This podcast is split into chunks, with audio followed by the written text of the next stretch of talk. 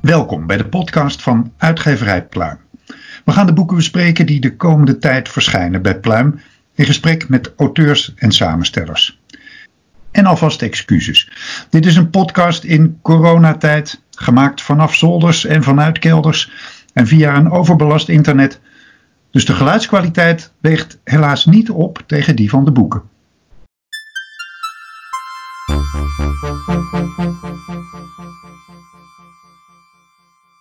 oktober vorig jaar verscheen in Frankrijk het boek van de jonge Franse wetenschapper David Jaïs, Slow Democratie.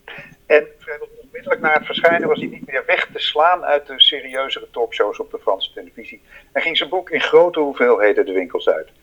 Zijn pleidooi tot een hernieuwde waardering van de natiestaat en ook de beschermende natiestaat, die verzorgingsstaat die de afgelopen decennia zo verguisd en gesloopt is, raakte een snaar bijna zoals Thomas Piketty dat eerder deed met zijn boek tegen ongelijkheid. David Jais, welkom. Hi, how are you? Uh, I'm fine. How are you? I'm fine. Locked in, but fine. in the south of the Provence, as you just told me. Exactly. I'm a lucky boy. um, the subtitle of your book is How Can We Control Globalization and Take Back Our Fate in Our Own Hands? Well, I, I think that is one of the questions that is probably most prominent on the minds of many people at this very moment. Um, can you give me the short answer?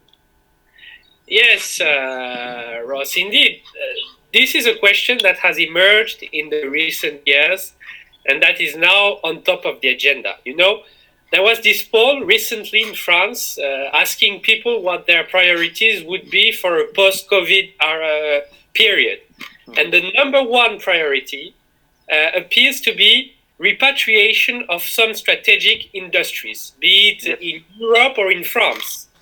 Uh, it is not full employment, it is not uh, the level of incomes, but sovereignty on vital assets. And I believe that 10 years ago, the result would have been plain different. Mm-hmm. Uh, people, especially the lower middle class in Western countries, feel that they have been kind of dispossessed, you know, of their own fate. And they resent the political elite because they blame them on that dispossession. Mm-hmm. And there is some economic rationale for that. Between 1950 and 1975, the real income of European workers was multiplied by three. Between 1975 and now, nowadays, the evolution of their average income is close to zero.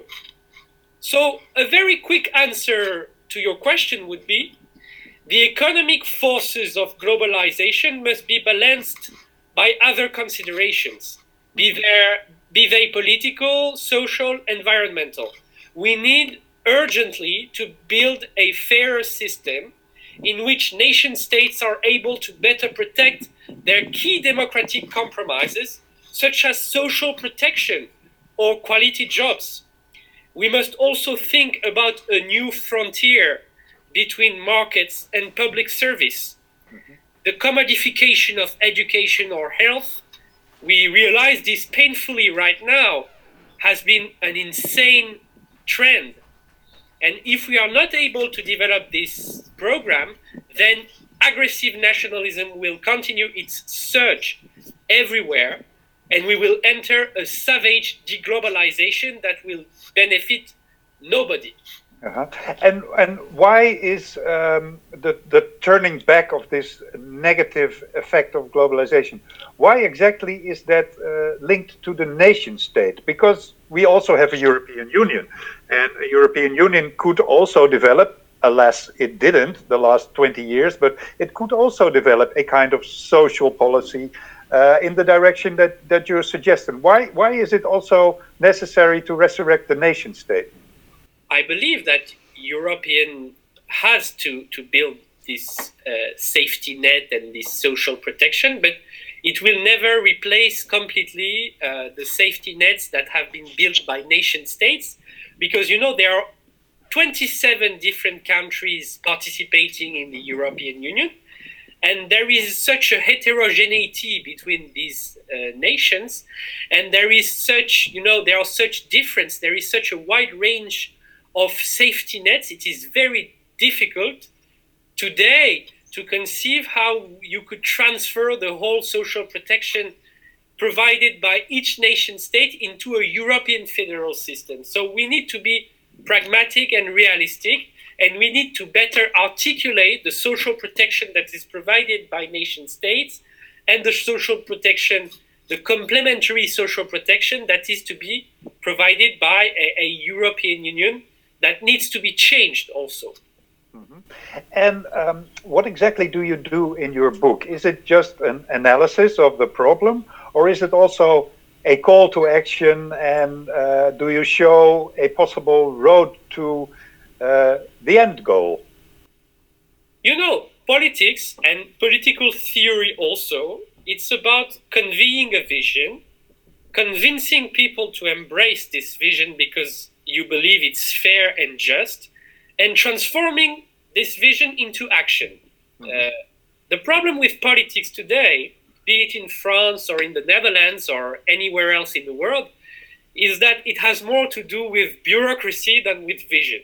Uh-huh. Our leaders are mainly concerned with figures, statistics, and they have forgotten that there is a strong need for a significant project if you want to enthuse people.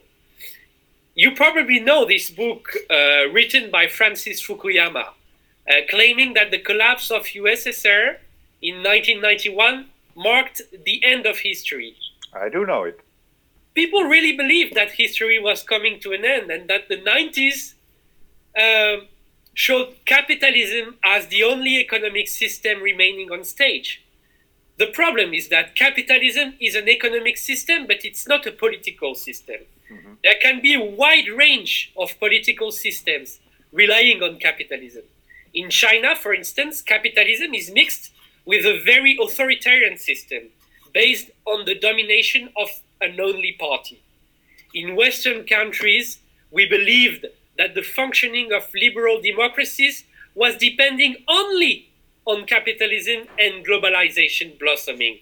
But this proved to be untrue. Since the financial crisis 10 years ago, we have painfully realized that we need a very significant and inclusive political project for our nations and for Europe. Uh-huh. And this has to be grounded in a fair and documented analysis of globalization, which yeah. is what I try to provide in the book. Yeah now, of course, we have seen in in almost every European country the rise of uh, right-wing populist movements that are also pleading for a return of the of the nation state, and in many cases also uh, have, have a kind of social agenda. Um, but it goes together with uh, the call for closing of borders, limiting migration, and so forth and so forth. Um, how do we prevent that a call for this uh, reinstallment of the nation state ends up closing all our borders? Well, the, the answer is what I would call social democracy. Uh, what I've tried to show uh, in the book is that nation states have, from now on, more to do with social protection, with safety nets, with solidarity between citizens, because, because the political uh, idea of a nation state has to do with the, the social inclusion uh, uh, it implies. And if we are able to speak positively of about nation states, and to how can I say that to um, not let the populist uh, have the monopoly on, on, on, on the speech about nations, then we are able to build political platforms that uh, revive nations, but without this ethnic or racist dimension that you can see in so many populist uh, platforms. Mm-hmm. in these days, in these Corona days, um, we do see this uh, this uh, coming back of the importance of the nation state in sometimes a positive, sometimes a negative way, because nations are competing for medical supplies, and, and we'll see what happens when uh, a vaccine is produced in uh, in the United States, for instance, if it's uh, going to be sent to Europe. Um, do you consider uh, essentially this to be a positive development apart from all the suffering that's going on? That, that's that's obvious that we don't want that, but a positive development as, as a kind of wake up call that could help uh, reaching goal that you were striving for in the book? Well, I feel really unable to predict what is going to happen even in a in a short future, you know. And I didn't expect when I wrote my book that such a, a global pandemic would occur. But what this crisis shows us is that so far, uh, globalization has increased our interdependencies without increasing our solidarities and our cooperation on the same pace, you know? And what we need right now is to balance interdependence and solidarity, which means that we need at the same time a strong international cooperation, such as what we had during the Bretton Woods era, you know, the decades after the Second World War.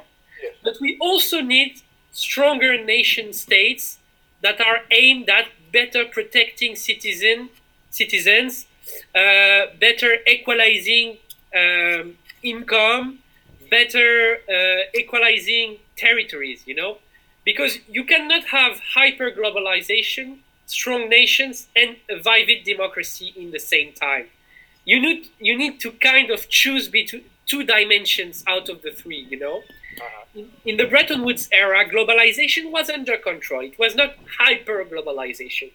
And thus, social protection and democracies were able to blossom mainly in Western countries, you know, because the rest of the world was unfortunately uh, uh, uh, sunk into poverty. We need to re-establish these Bretton Woods regulations, but not only in Western countries, for the whole world. For this, you need not eradicate globalization, but you need strong regulations. Let me give you an example. Free trade. I think from protectionism of course not. But you should pay a carbon tax on goods imported from outside Europe, for instance, to make sure that we are not exporting pollution. We are entering a new social democratic era with a strong ecological dimension, but this requires both strong nations uh, turn towards social protection rather than identity, a powerful Europe able to produce public goods, and a strong international cooperation. Uh-huh. And you know, Europe is key too because it should not be only about free trade, competition, and uh, controlling deficits. It should also be an industrial power, producing, for instance, electric batteries for cars, uh, able to mobilize landmark scientific research for a vaccine. Yes.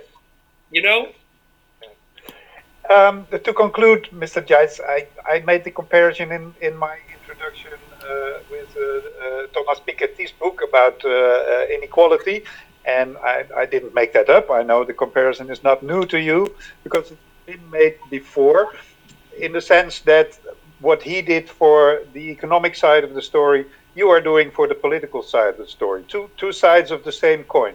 Do you agree with that analysis?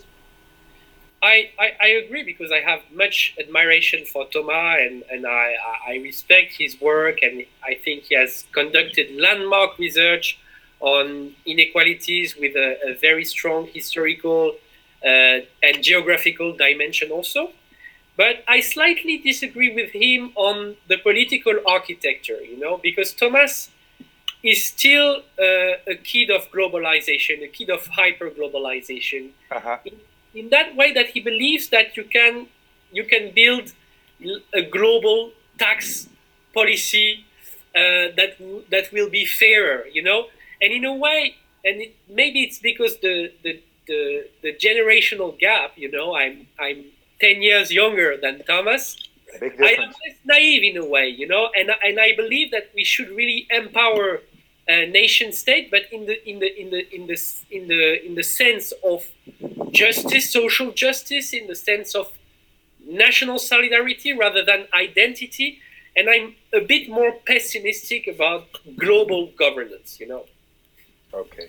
I'm I'm really looking forward to the, the translation of, uh, of your book, which is going to appear in, uh, in Holland this summer. Thank you very much, Mr. Jones. Thanks a lot. See you soon.